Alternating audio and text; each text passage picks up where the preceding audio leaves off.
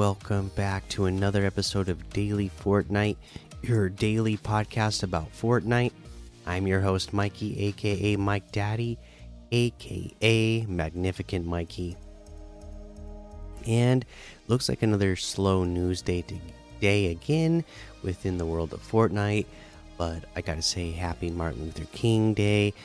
Uh, you know, just uh, I, I hope that you all, uh, you know, got a chance to uh, reflect on what the day means. I'm sure when we look at the LTMs, which we can do right now, that they got to have the March Through Time featured in here, right? Let's take a look. I would think that they would put it towards the forefront on a day like today. Uh, maybe not. Uh, I would have assumed. I don't. I don't see it here. Maybe. Maybe they don't have the March Through Time uh, up and available again. But I would assume that it's there all the time.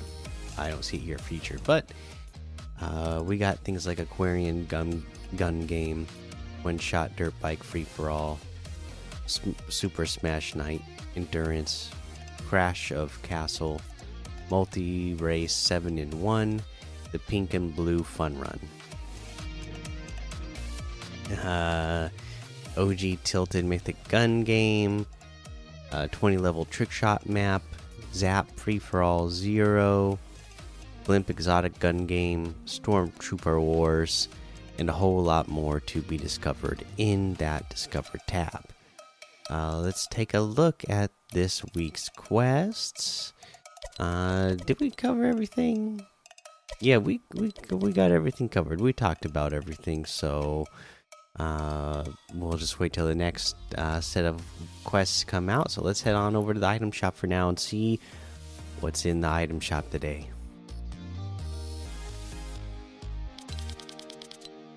All right, so the X2 Twins Locker Bundle still here. Ripley and Xenomorph Bundle still here. John Cena Bundle is still here. And we have the Bracer outfit for 800 V Bucks, Recon Specialist outfit for 1,200, the Death Valley Harvesting Tool for 1,500, the Chugga Chugga emote for 600, Switch Up Music for 200, the Hang On emote for 200, the Stacked Bundle, which has the Beef Boss outfit, Deep Fried Back Bling, Patty Whacker Harvesting Tool, Sizzle outfit, and the Flying Saucer Glider for 2,200, which is 1,800 off the total. Beef Boss outfit with the deep fried back bling itself is 1,500. The Sizzle outfit is 800. The Patty Whacker harvesting tool is 500. The Flying Saucer glider is 1,200.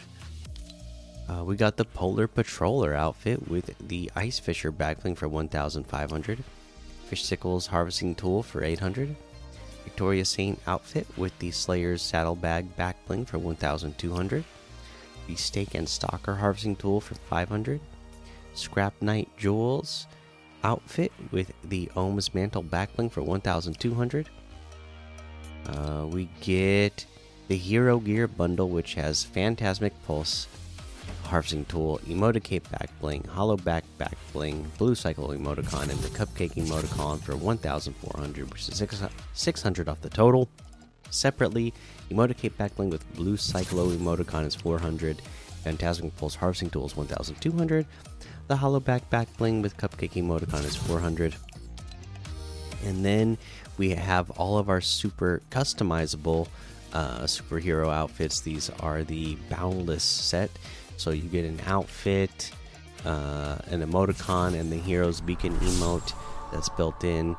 Uh, that all is comes together for 1,800, and there's a big variety of outfits to choose from.